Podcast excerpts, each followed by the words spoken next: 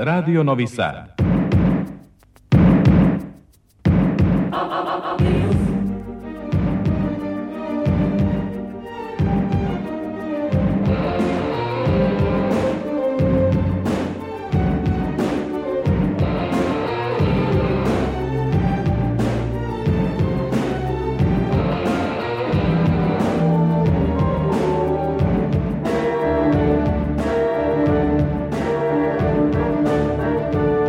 spektar.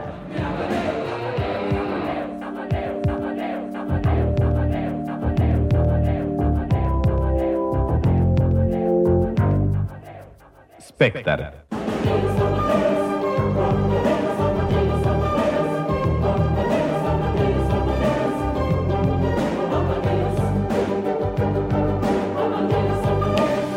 10 sati i 13 minuta, dobro veče, dragi slušaoci, avgustovsko izdanje Spektra, magazina za kulturu Radio Novog Sada, počinjemo najavama filmskog festivala u Vrnjačkoj banji i premijere u Budvi. Nastavljamo potom izložbama u Zrenjaninu i Novom Sadu, kao i novom knjigom o pismu Milorada Pavića.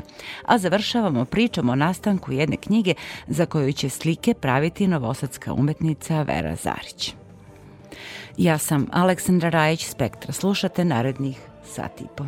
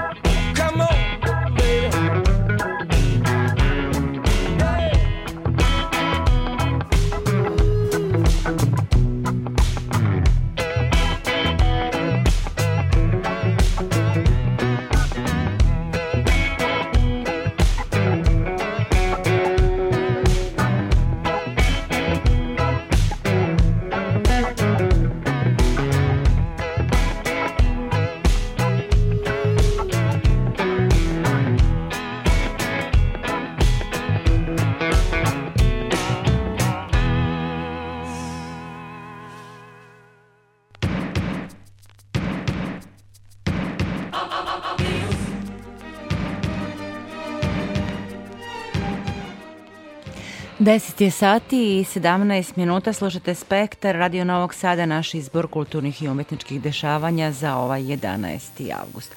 Sutra u Vrnjačkoj banji počinje 47. festival filmskog scenarija koji će trajati do 17. avgusta. Slogan ovogodišnjeg festivala je Nema odustajanja. O takmičarskoj selekciji i pratećem programu sa direktorom tamošnjeg kulturnog centra Sašom Milenkovićem razgovarala je Ivana Maletin-Ćorilić. Na 47. izdanju festivala filmskog scenarija u Vrnjačkoj banji biće premjerno prikazano čak pet filmova, od kojih će dva naslova publika moći da vidi na otvaranju. Koje ostvarenja će otvoriti festival i kako će izgledati svečana ceremonija otvaranja ove godine? 47. festival filmskog scenarija, dakle u takmičarskom programu imamo 15 filmova, e, premijerno će otvoriti film Koma, a posle njega takođe premijerno izvođenje uh, film Prigušivač.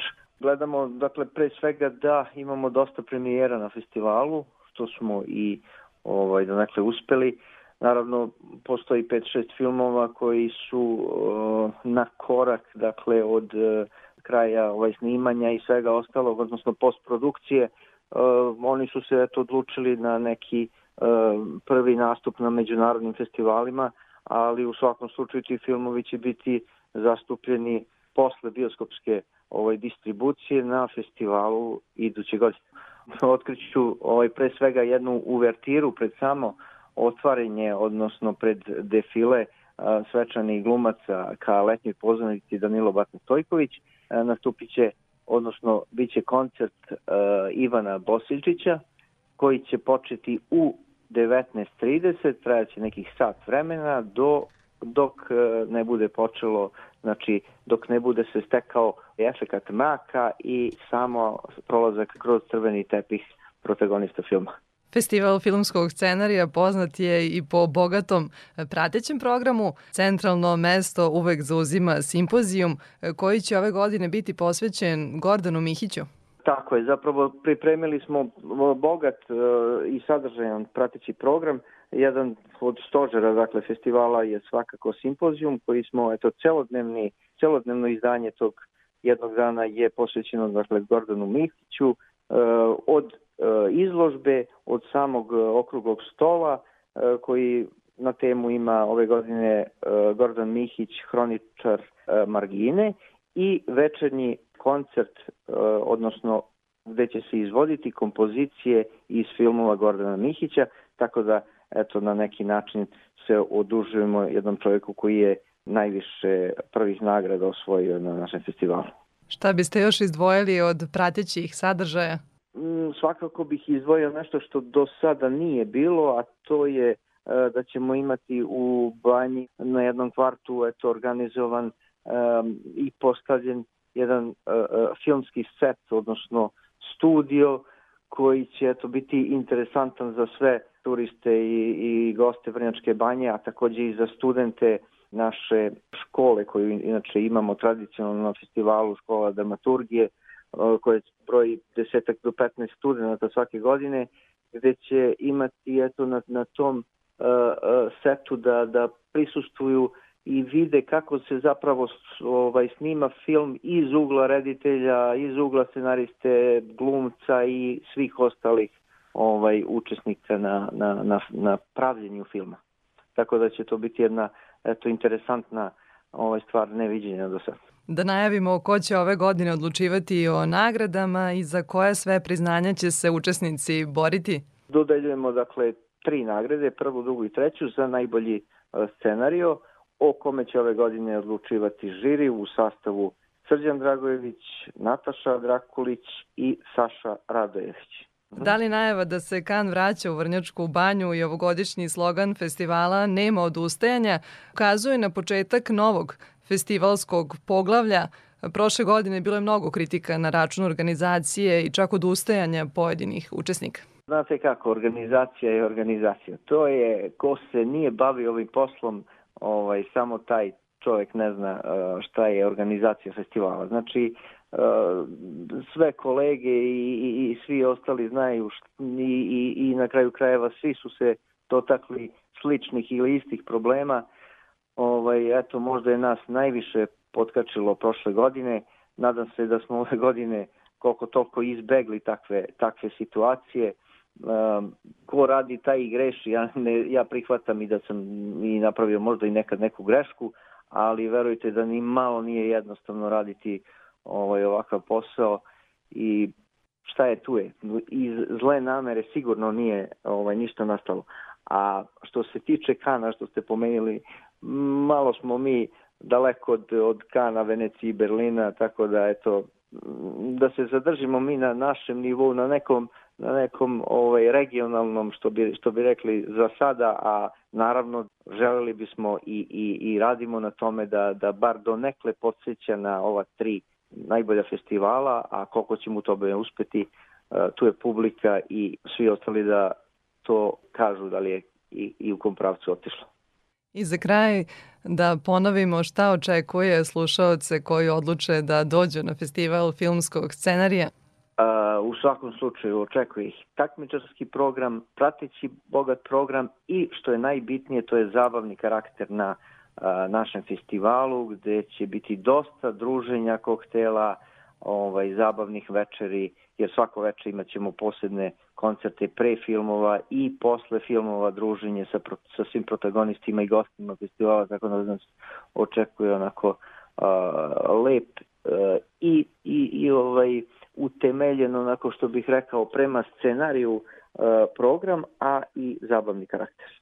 Puno uspeha sa festivalom i vidimo se u Vrnjačkoj banji. Hvala, vidimo se, prijatno.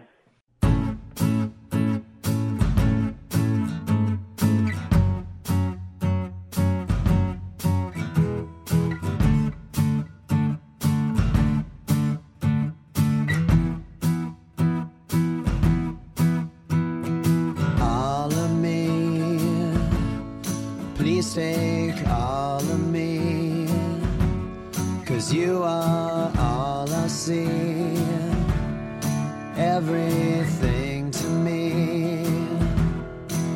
When you're gone, I am lost. I wanna be forgiven, but I'm not. And if I hurt your feelings, I will stop. So please don't tell.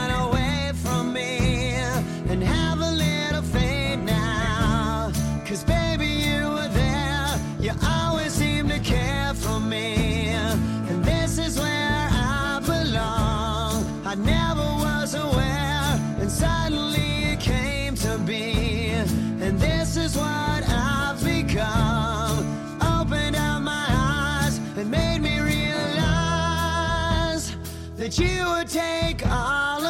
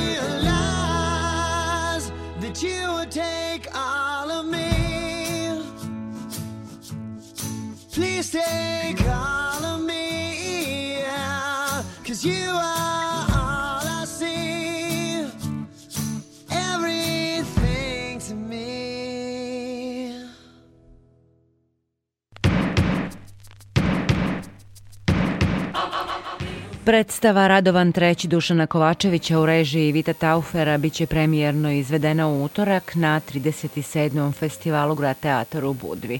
Od jeseni predstava će biti na repertoaru Narodnog pozorišta u Somboru. Glavna uloga poverena je glumcu Ninoslavu Đorđeviću. Sa njim je razgovarala Ana Čupić. Nakon 30 godina od e, kultne izvedbe Ateljeja 212 na sceni Somborskog pozorišta i u koprodukciji sa Grad teatra Budvom, ponovo ćemo imati Radovana trećeg. Uloga je poverena vama. Pa kako ste se vi osjećali kada ste dobili poziv da igrate jedan tako ovaj, veliki zalogaj nakon, pa moram da kažem, Zokije Radmilovića? Najpre ne želim da se pravim pametan, ali mislim da to onoliko koliko vidim kada se izveštava o ovoj našoj predstavi, stalno se govori u tom narativu da je ovo prvi put posle 30 godina, što zapravo nije istina. Radio se Radovan treći i ja koliko znam i profesor Dejan Mijač je imao svoju verziju, ali mogu da se setim tačno godine i svega. I znam da je Brstina, Branimir Brstina je režirao i glumio Radovana trećeg u ateljeju 212. E, to je već neko skorije izdanje. Tako da nisam ja prvi posle 30 godina, hvala Bogu, ali evo ne sećam se da, da je bilo, da li je bilo toliko pisanja ranije o tome. Sad nekako možda zato što upravo kao imam taj zadatak, ja više primećujem da se o tome piše i onda tako vidim neku svoju sliku u novinama pored uh, Radmilovićeve i malo mi je neobično jer ja inače nisam po medijima intervju ili tako nešto da se pojavljuje moja slika i onda mi je neobično i, i moram priznati malo i neprijatno. A i nekako pokušavam da se odbranim zapravo od tog nekog pritiska koji inicijalno meni nije postojao kad, kad sam dobio to obaveštenje, tu vest, i čak mislim da mi je više u tom trenutku bilo značajnije da je neki reditelj koji nije odavde, koji ne pripada ovom pozorišnom svetu, da ajde da možemo da kažemo da manje više se mi poznajemo u nekoj meri, ne, ali pogotovo reditelji otprilike koji stalno rade u poz srpskim pozorištima znaju otprilike ansamble i šta mogu da očekuju, a ovo je čovjek sa strane koji je morao dodatno da se informiše i eto izabrao je mene bez, bez ikakvog poznanstva i, i to je, to je lepo osjećaj, uvek je lepo kada, kada neko vam pokloni takvo poverenje. Da, verujem, ovo mi je promaklo, stvarno nisam ovaj, e, bila u prilici ni da vidim te druge postavke Nisam uh, ovog. video, ovaj, ali, ali znam za njih.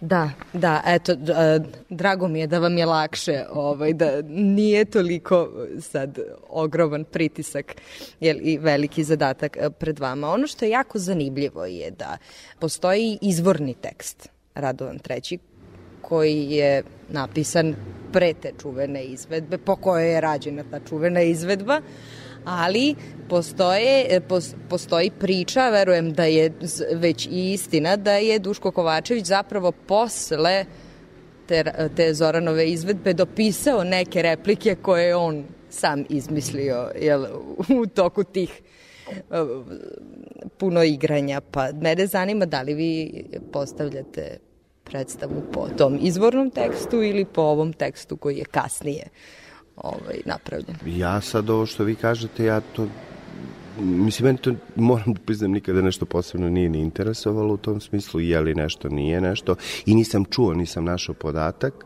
Mi, koliko znam, radimo po onom tekstu koje je Kovačević objavio. E sad, da li tu ima nešto što je Zoranovo, što je on, to, to zaista ne znam. Ja sam davno, davno poslednji put gledao taj snimak i onda i nisam ni čitao tekst do, do, do ponovo do skora. I onda kad sam čitao tekst bilo mi je ono, zanimljivo koliko zapravo stvari koje se kažu u predstavi jesu napisane a nisu izimprovizovane. Ima naravno onih nekih monologa Radmilovićevih e, kada krene u, u ovaj, u neki, neku improvizaciju, ali uglavnom toga ima, ali sad da li je to to zaista ne mogu da vam odgovorim. Mislim, na kraju krajeva nije ni bitno i kad pogledate mi, kad igramo Šekspira danas i za Šekspirove tekstove se tvrdi da je zapravo uh, da postoji neka teorija da zapravo tekstovi su suflerski tekstovi koje imamo, tako da tu ima uh, ubeleženih stvari u tim tekstovima od nečega što su bila živa izvođenja, pa je neki od glumaca nešto dodao, ubacio i tako dalje, pa mi danas zapravo imamo te, pa otud neko stilsko, možda nejedinstvo u određenim replikama itd. itd. Nebitno, ali hoću da kažem da mislim na kraju krajeva to ne menja stvar.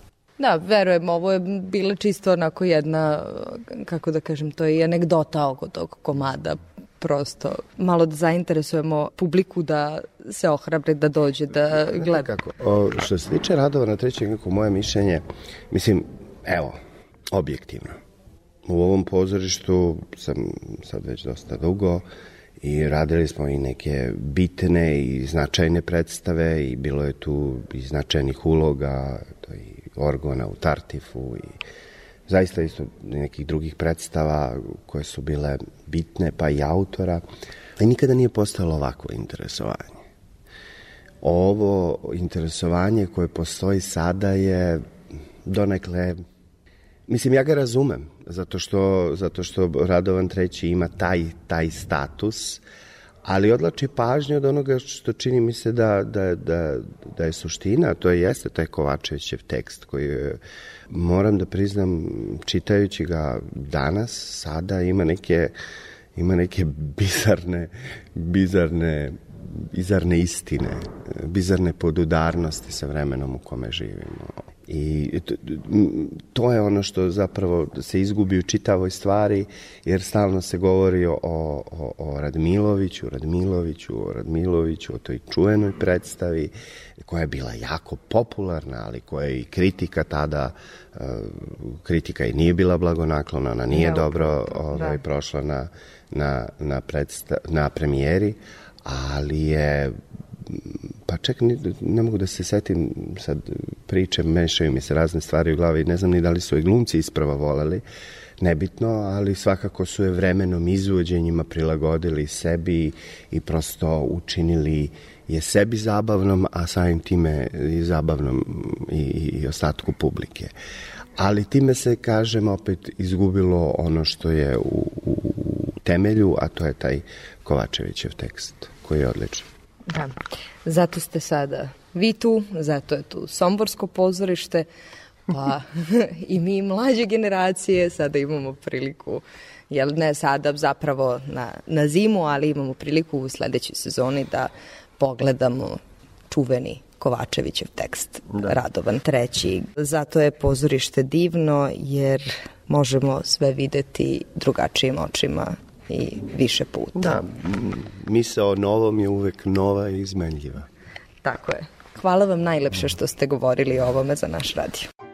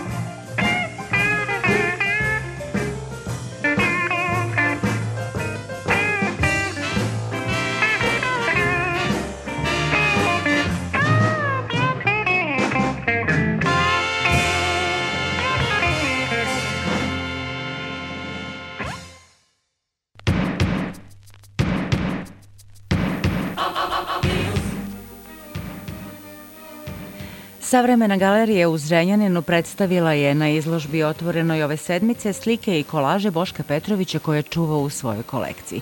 Postojeća zbirka od svega tri slike iz 50. godina upotpunjena je poklonom umetnikove kćerke Višnje Petrović. Izložbom novih radova Boška Petrovića u svojoj kolekciji Zrenjaninska galerija obeležila je i stotu godišnjicu rođenja jednog od osnivača likovne kolonije u Ečki, kustoskinja Slavica Žarković. E, Savremena galerija Zrenjanin u svojoj kolekciji čuva 13 radova Boška Petrovića. Od toga su tri rada e, nastala i prinovljena za našu zbirku 1956. godine e, nakon boravka Boška Petrovića u prvom sazivu umetničke kolonije Ečka a deset radova je u našu kolekciju stiglo e, zahvaljujući poklonu njegove čerke Višnje Petrović e, decembra 2021. godine.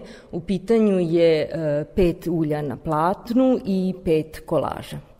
Kroz ovaj poklon na neki način možemo da sagledamo taj jedan segment veoma obimnog stvaralaštva Boška Petrovića i slike e, koje mi čuvamo, odnosno radovi jesu e, jako raznovrsni, ali tako je bilo i njegovo stvaralaštvo.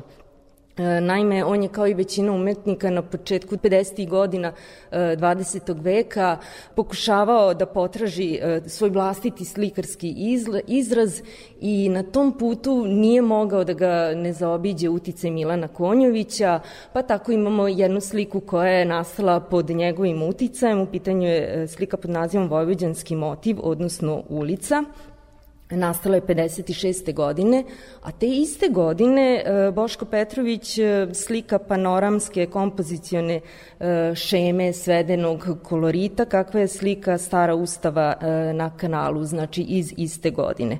U tom periodu 50. godina on započinje e, te svoje cikluse, čuvene cikluse pod nazivom e, Kalvarije, katedrale, manastiri, e, kreveti na sprat, kojima će se vraćati u narednim decenijama i uvek iznova istražujući forme i ideje u mediju ulja na platnu i kolaža.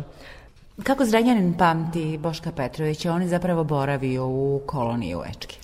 Boško Petrović e, se smatra jednim od e, osnivačem, a i učesnikom svih vojvođanskih kolonija.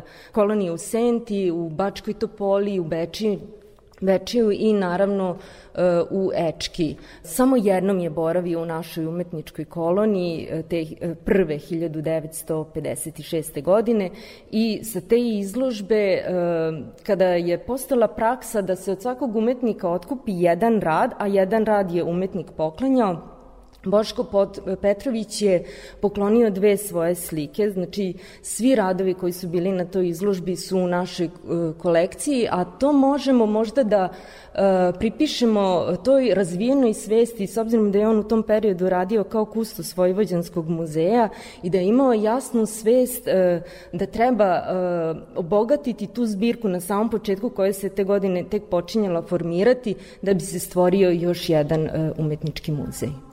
Kada napravite ovako jednu retrospektivu velikog umetnika koji je obeležio e, decenije umetnosti u, Vojvodini, šta je to novo što eventualno otkrijete o njemu i saznate?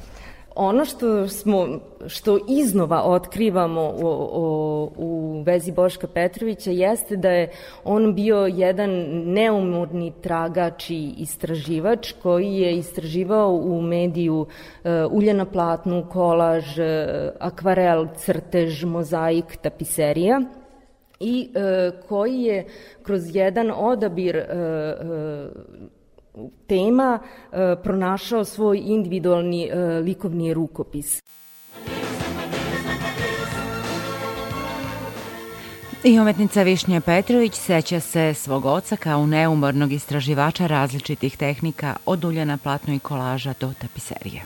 Na ovoj izložbi su zastupljeni radovi koji su motivisani i njegovim iskustvom u mađarskom logoru, S druge strane, tu su i radovi koji su inspirisani i vojvođanskim pejzažima, pa su to radovi koji su inspirisani životom, ajde tako, metaforično kažemo, životom uh, vojvođanskog seljaka. Jedan od tih radova je i ovaj iza nas, uh, to je serija radova posvećena hlebovima, vojvođanskim hlebovima, tegovnog života, svakog čoveka, ne samo paora vojvođanskog, nego svakog čoveka koji mora da zaradi za život, eh, koji mora da prehrani porodicu, a na kraju i vojvođanske zemlje koja bogato nagrađuje taj rad. Ovo ponovno sećanje na njega i na njegov rad je nastalo kao uh, omaž uh, na stogodišnjicu njegovog rođenja. I tim povodom sam ja napravila više poklona vojvođanskim i srpskim e, muzejima savremene umetnosti, dakle poklonila sam e, svakom od njih barem po desetak radova i velikih formata i manjih formata, želeći malo da osvežim eto to sećanje.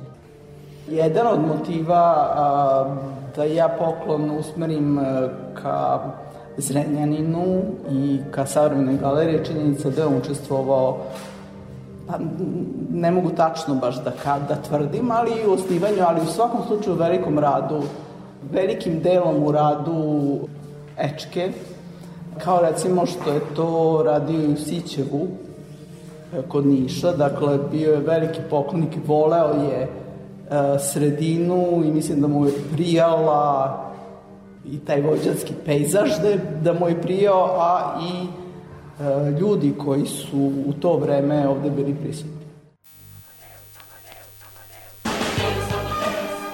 Izložba Boška Petrovića u Zrenjaninu biće pred posetiocima do oktobra. Inače, u ponedeljak u umetničkoj koloniji Ečka počinje 44. saziv akvarelista.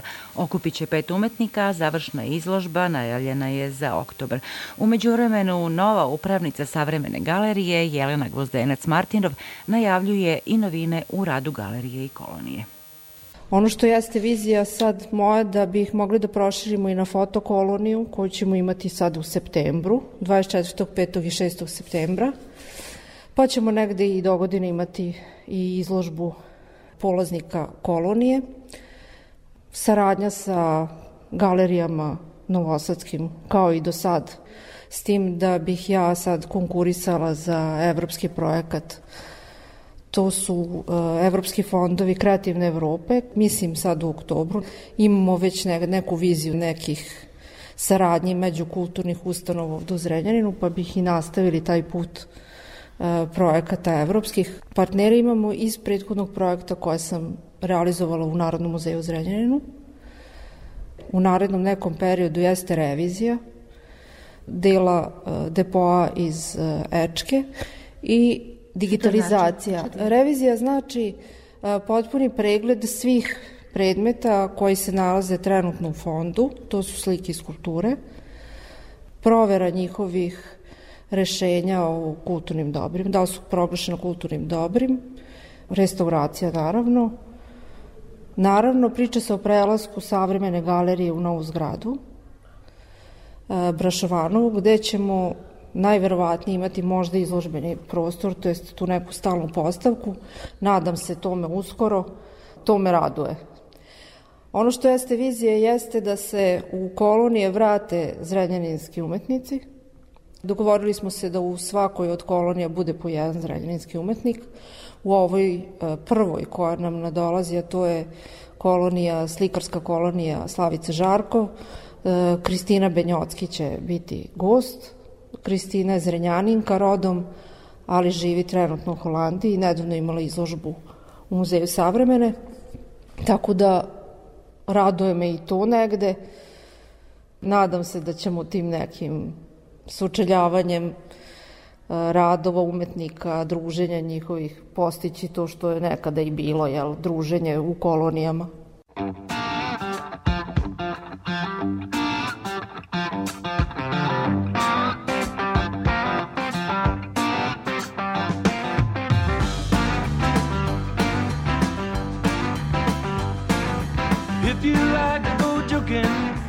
like a western swing, outside of Austin, Texas, I know a cowboy's dream. It ain't much to look at, just another cowboy club. But they got joking, I got joking in my blood. When it comes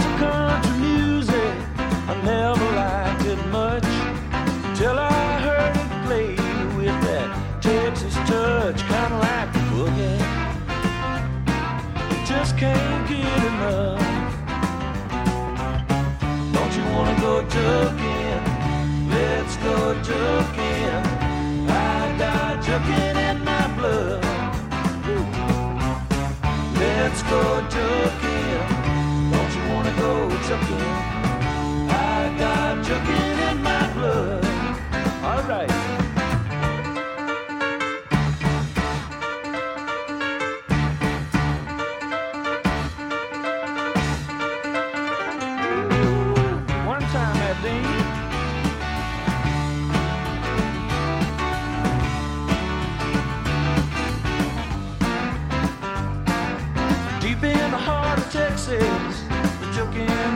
Used to be the Texas Playboys, but now old ZZ's Tops keeps on smoking.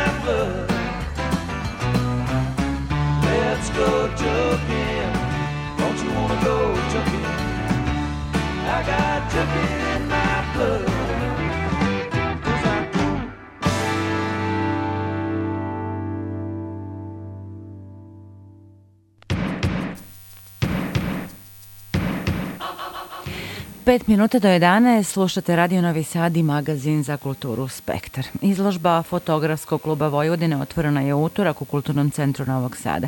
Do ponedeljka pred posetiocima je 40 fotografija članova kluba, čiju je selekciju napravio umetnik fotografije Mario Bralić. Na veliko zadovoljstvo mnogih izložbu je otvorio doajen srpske i jugoslovenske fotografije Tomislav Peternek sa kojim je razgovarala Ana Čupić. Evo ovako možda jedno kliše pitanje za početak. Dobro. Šta za vas posle toliko napravljenih fotografija predstavlja fotografije? Fotografija je dokumentat, fotografija je živa stvar i fotografija se čita. Znači uvek možete uzeti fotografiju i pročitati šta je na njoj. A šta ćete više? Znači imate sve informacije o vremenu koje je prošlo ili koje traje. Mislim da ste vi najadekvatniji fotograf koga treba pitati danas šta je potrebno da bi se dobra fotografija napravila. Potrebo je vremena i samoodricanja. Mnogih stvari biti usredsređen samo na taj najvažniji moment čoveka. Šta taj čovek radi, šta on misli i to je to. Otvorili ste izložbu fotografskog kluba Vojvodine koje, koji je osnovan 2010. godine, tačnije pre 13 godina, koji nosi veliki značaj. Zašto je bitno da imamo ljude koji se otvoreno bave fotografijom i koji žele nešto da promene u, u svetu baš fotografijom? Pa ja mislim da nema potrebe ništa da se menja. Treba samo više da se radi. Rad je najvažnija stvar. Tražiti, lutati, njuškati i pronalaziti. I uvek će biti tema interesantnih koje ne znaju mnogi. Verovatno ste primetili da se danas vraćamo, iako živimo u digitalnom vremenu, vraćamo se analognim navikama, pa tako i analognim fotoaparatima. Pa bih ja iskoristila da vas pitam iz onog nekog prošlog vremena, iz, iz vremena analogne tehnologije. Koja je vama omiljena fotografska tehnika? Pazite, kad govorimo o analognoj fotografiji, ona nam sad kuca na vrata. Zašto? Sad imate veštačku inteligenciju. Možete da uradite od fotografije šta hoćete. Hoću ovo oko da bude otvoreno, ovo zatvoreno. A to nije istina. Znači, fotografija gubi onu svoju najvažniju stvar, istinu. I zato se ide na to da morate imati kao dokaz negativ, jer na negativu se ništa ne može ispravljati optički, nego mora ručno ili olovčicom ili crtati slično. A ko, kojim načinom razvijanja fotografije ste se vi najviše bavili? S čim se ja bavim? Ja radim analognu fotografiju, ali ja imam dosta problema sa mojim starim negativima koje treba još arhivirati, koje treba srediti, koji se nalaze, pite Bog zna gde. Evo sad šta? Ja sam danas ovde, a imao sam sudski proces za krađu autorskih prava. Ja ne smem da govorim o ciframa koje su. Ali ta krađa, ta bestidnost ljudi, to je neverovatno. Ja imam slučaj na suđenju protiv jedne redakcije i oni su poslali njihovog urednika fotografije. I on sedi preko puta mene, ja kažem, kolega, ja sam vas učio fotografiju. On kaže, jeste majstore, ali te nisam učio da kradeš, nego da fotografišeš, da ti stvaraš. To je to. Kažite mi, da li e, se razlikuje i kako se razlikuje fotografija koja se koristi u reporterske svrhe i izložbena fotografija i da li postoji ta neka razlika? E, cela priča o meni. Ja nisam delio fotografiju na te dve stvari, nego na dobru i lošu, na istinu i laž. I tu je uspeh. Tu leži jedina razlika, je tako? Hvala vam što ste govorili za radio Novi Sad.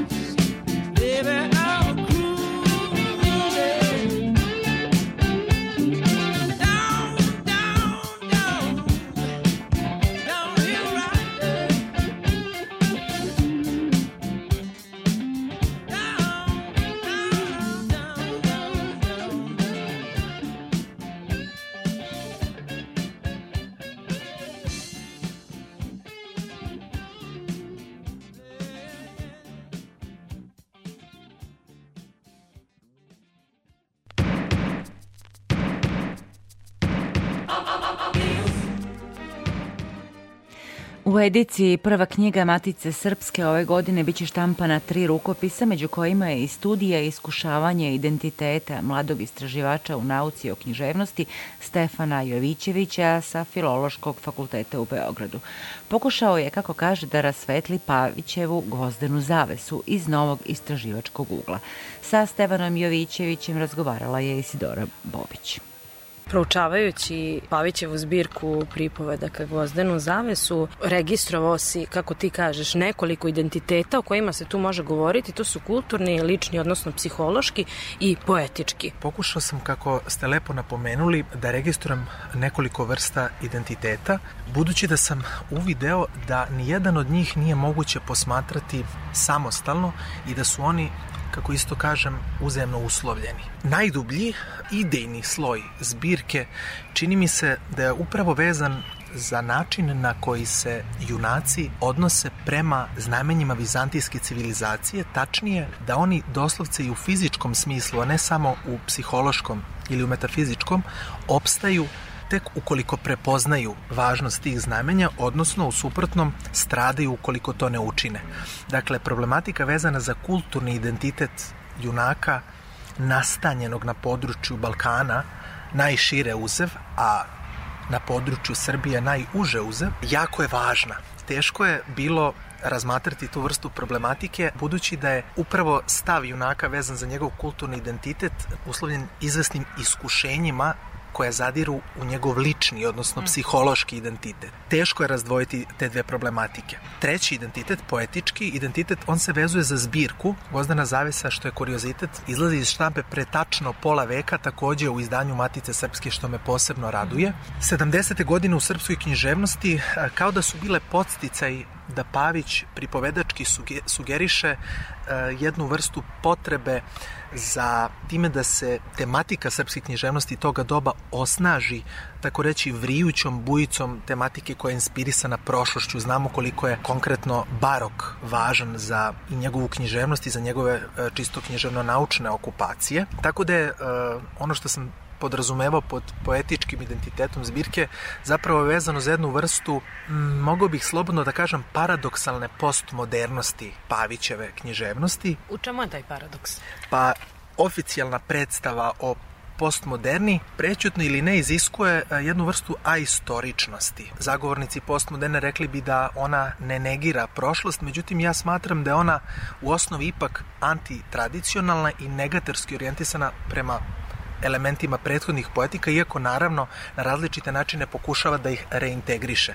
Istorija u onom smislu u kojem ona pretenduje na objektivno saznanje ne postoji, odnosno da je istorija samo jedna priča, sve je zapravo jedan tekst, pa tako ništa izvan teksta i ne postoji. Međutim, mi vidimo da u Pavićevoj uh, pozdernoj zavesi istoriji tekako ima važno mesto i meni je jako bilo značajno da ukažem upravo na ona mesta u kojima uh, se prepoznaje poverenje u narativ i uopšte uh, kulturno-istorijsku i istorijsku baštinu uh, srpskog naroda. Kako bi opisao svoju metodologiju? dosta širok, neko bi čak rekao i neujednačen spektar teorijskih asocijacija i uopšte citata koje navodim.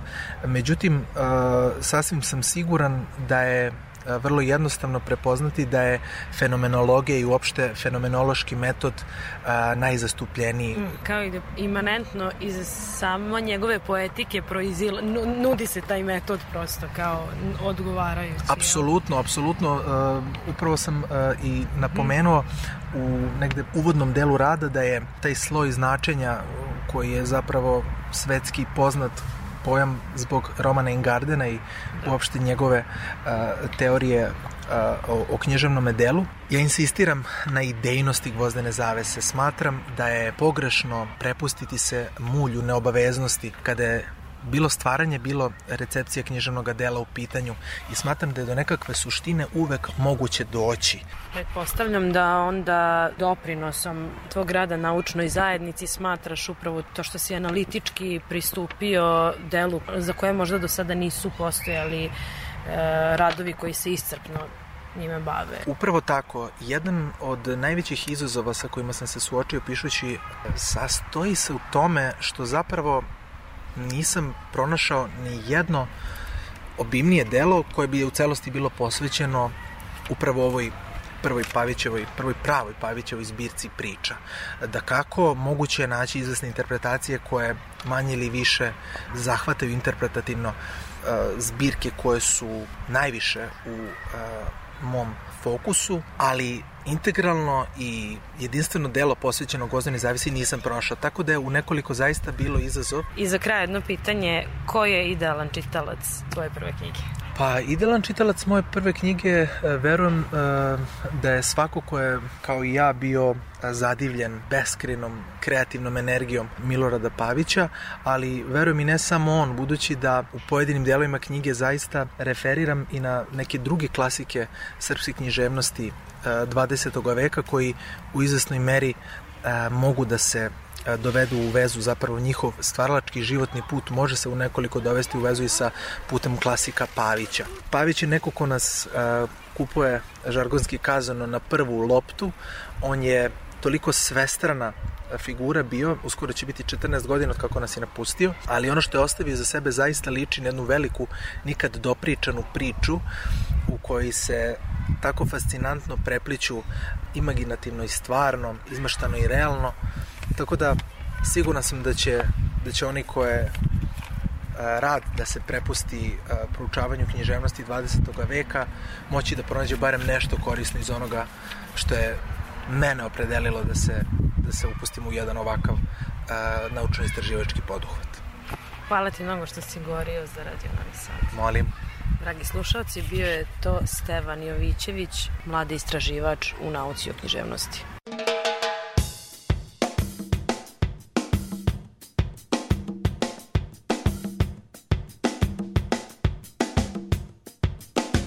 You don't believe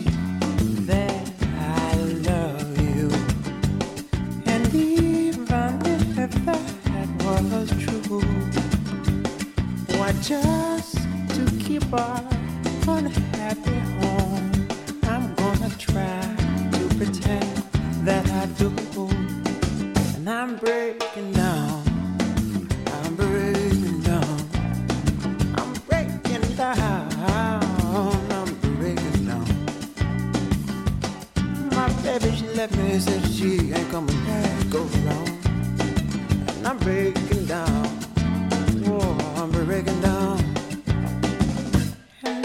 I thought that it was okay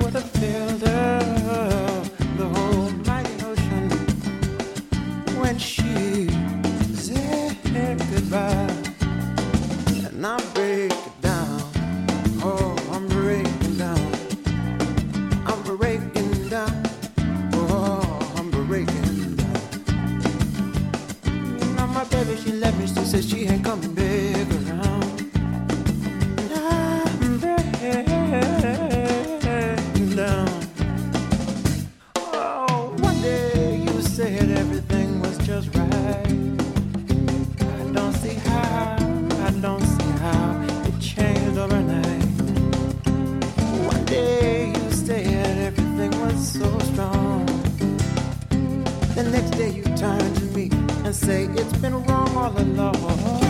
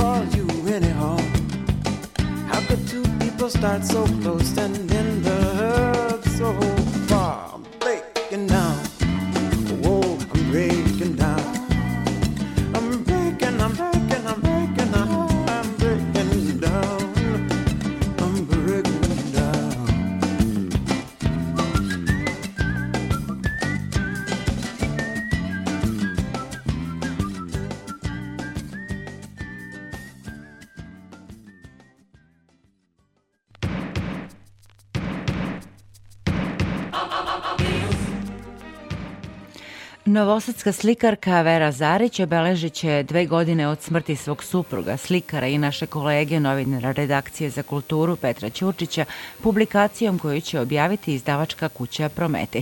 U knjizi će se između ostalog naći i tekstovi koje je Petar Ćurčić decenijama pisao za našu emisiju sa starih razglednica. No, Vera Zarić ima pred sobom još jedan posao na knjizi. Priprema za štampu novo izdanje pesme Santa Maria della Salute Laze Kostića, za koju je slike napravila još pre više od 30 godina. Za Veru Zarić od uvek je bilo karakteristično široko shvatanje umetnosti i umetničkog dela. Pored slika, rado je oslikavala delove nameštaja, škrinje, dajući im pritom potpuno nova značenja. No ilustraciju, kaže, nikad nije radila.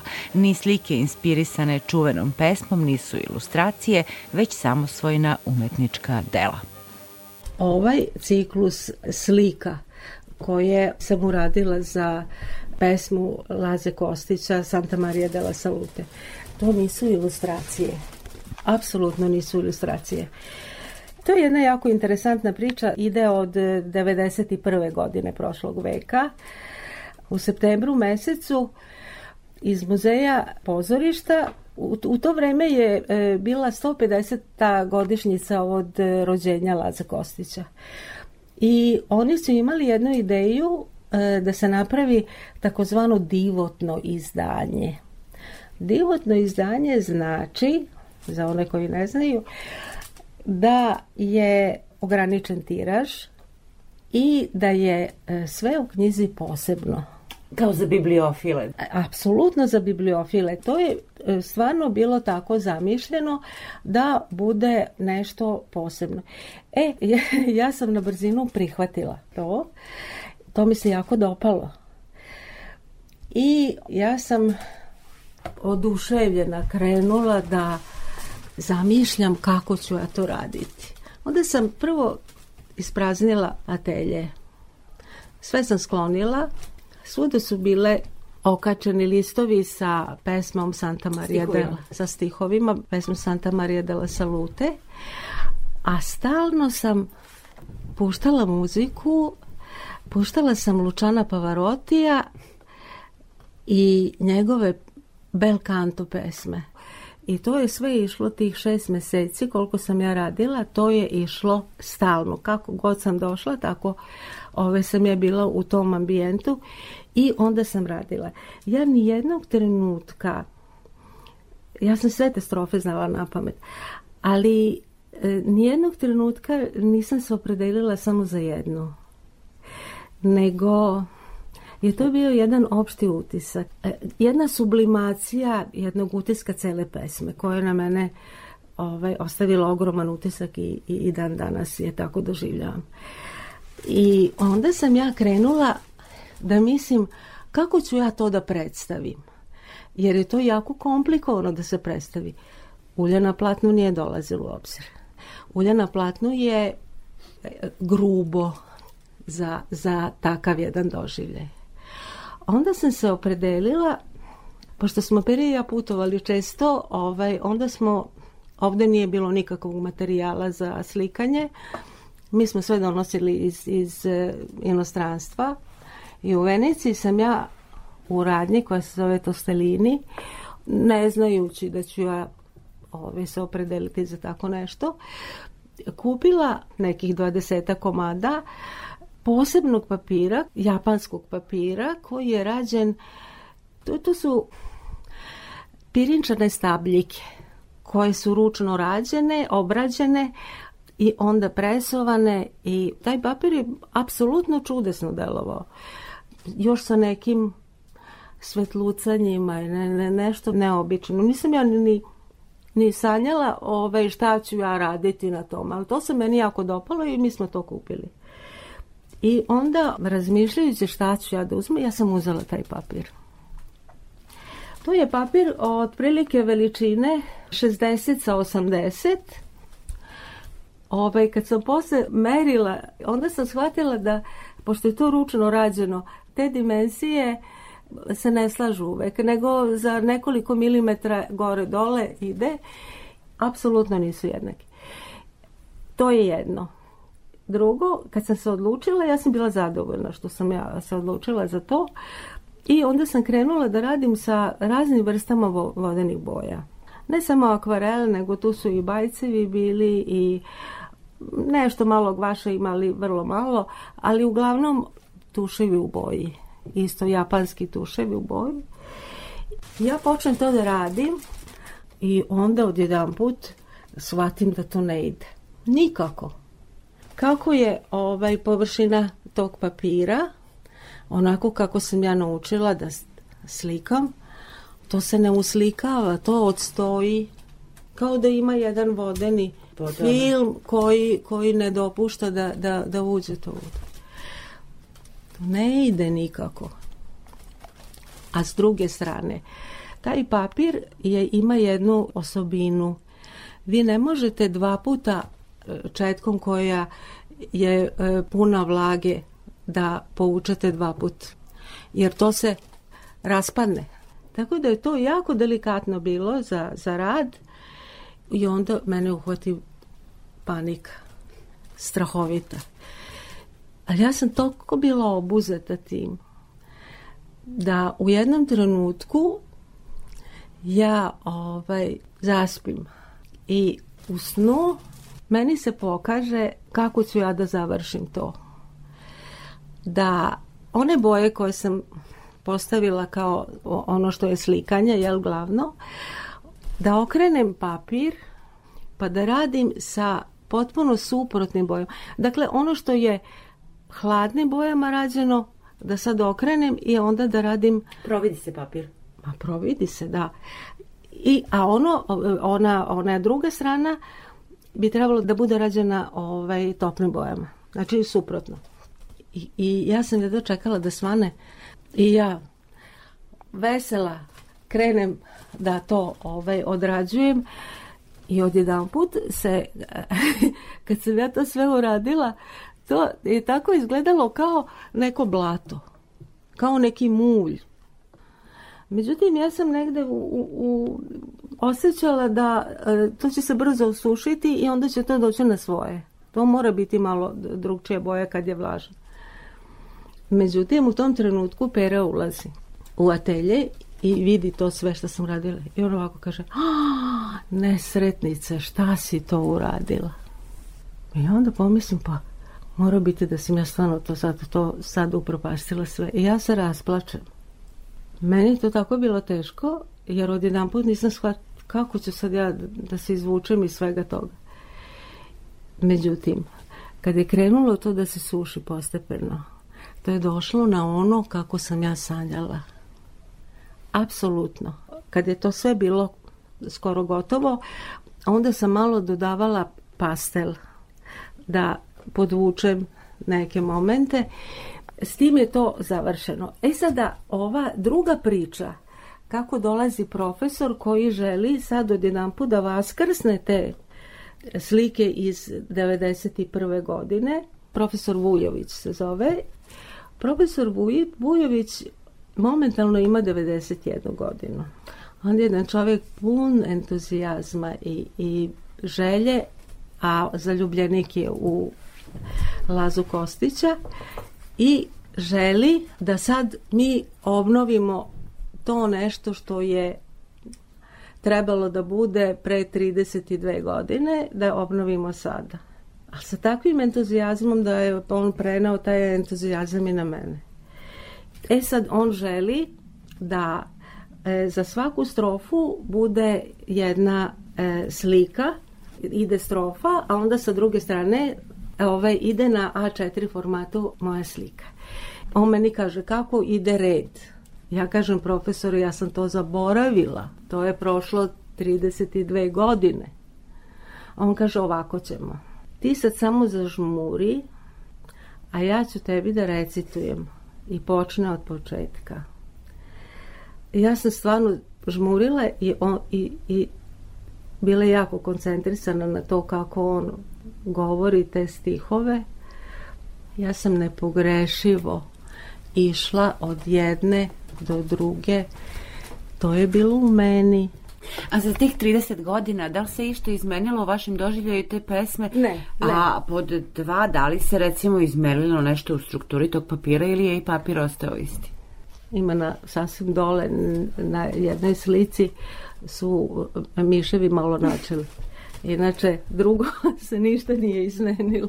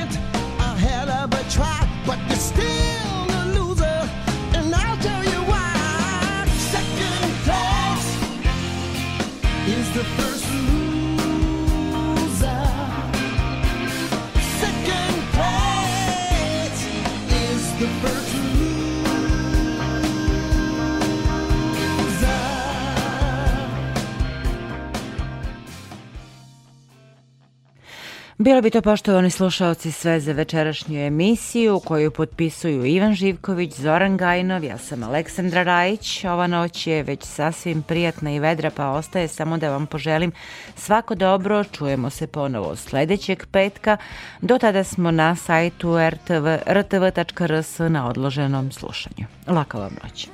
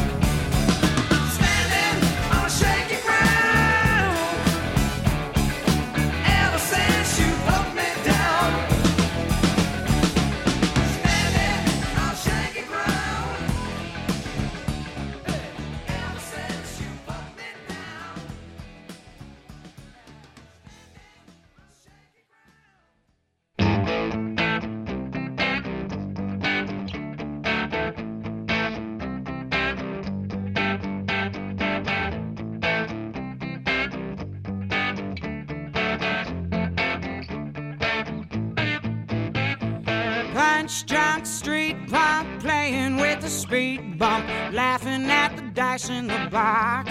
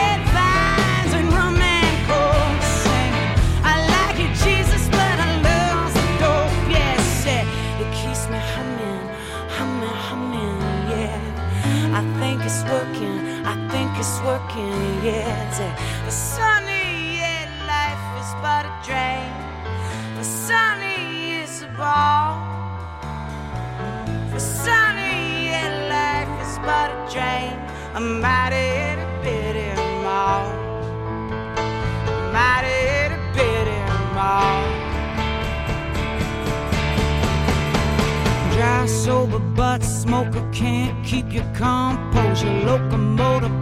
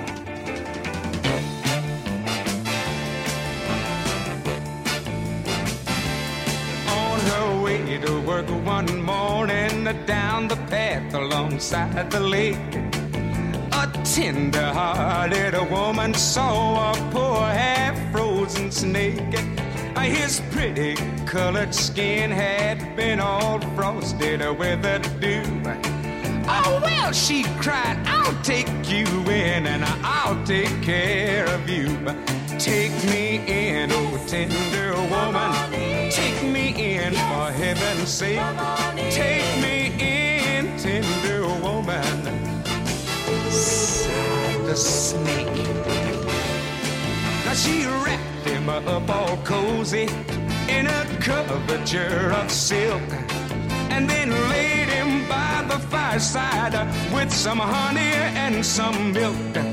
Now she hurried home from her work that night as soon as she arrived. Now she snake she'd taken in had been revived. Take me in, oh tender woman. Take me in for heaven's sake. Take me in, tender woman. Sighed the snake.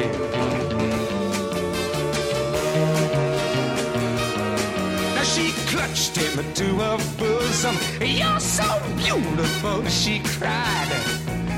But if I hadn't have brought you in, by now you might have died. Now she stroked his pretty skin again and then kissed and held him tight. But instead of saying thanks, that snake gave her a vicious bite.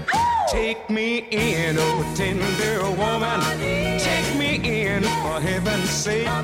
Take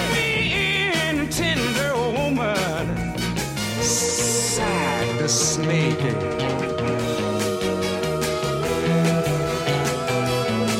I saved you, cried that woman, and you bit me even a while. And you know your bite is poisonous, and now I'm gonna die. Ah, shut up, silly